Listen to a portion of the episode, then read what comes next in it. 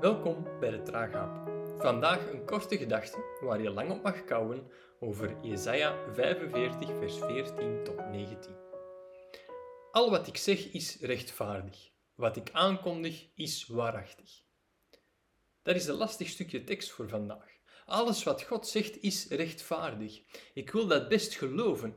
Maar om eerlijk te zijn, kom je daar, zowel met je verstand als met je emoties, nogal eens mee in de problemen. Er staan zaken in de Bijbel waar ik het flink lastig mee heb als het gaat over de rechtvaardigheid van God. En toch wordt meermaals gesteld dat God rechtvaardig is. Wat moeten we daarmee? Elke gelovige die de Bijbel doorneemt, doet dat met een bepaalde bril. Een bril die bepaald is door je verleden, door de kerkelijke traditie waarin je zit of groot geworden bent enzovoort.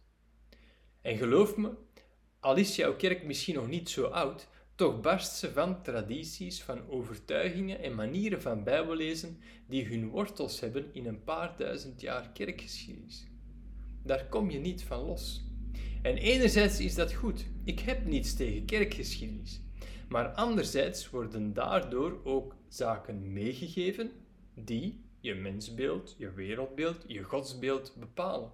En die, zo geloof ik, ervoor kunnen zorgen dat we het moeilijk hebben om zoiets als Gods rechtvaardigheid te begrijpen.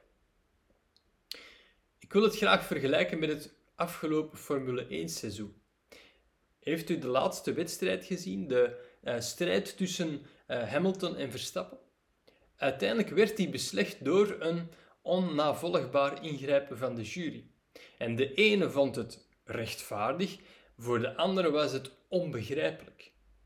Je zou denken dat Formule 1 gewoon inhoudt dat je probeert om zo snel mogelijk aan de finish te geraken. Maar er is veel meer aan de hand.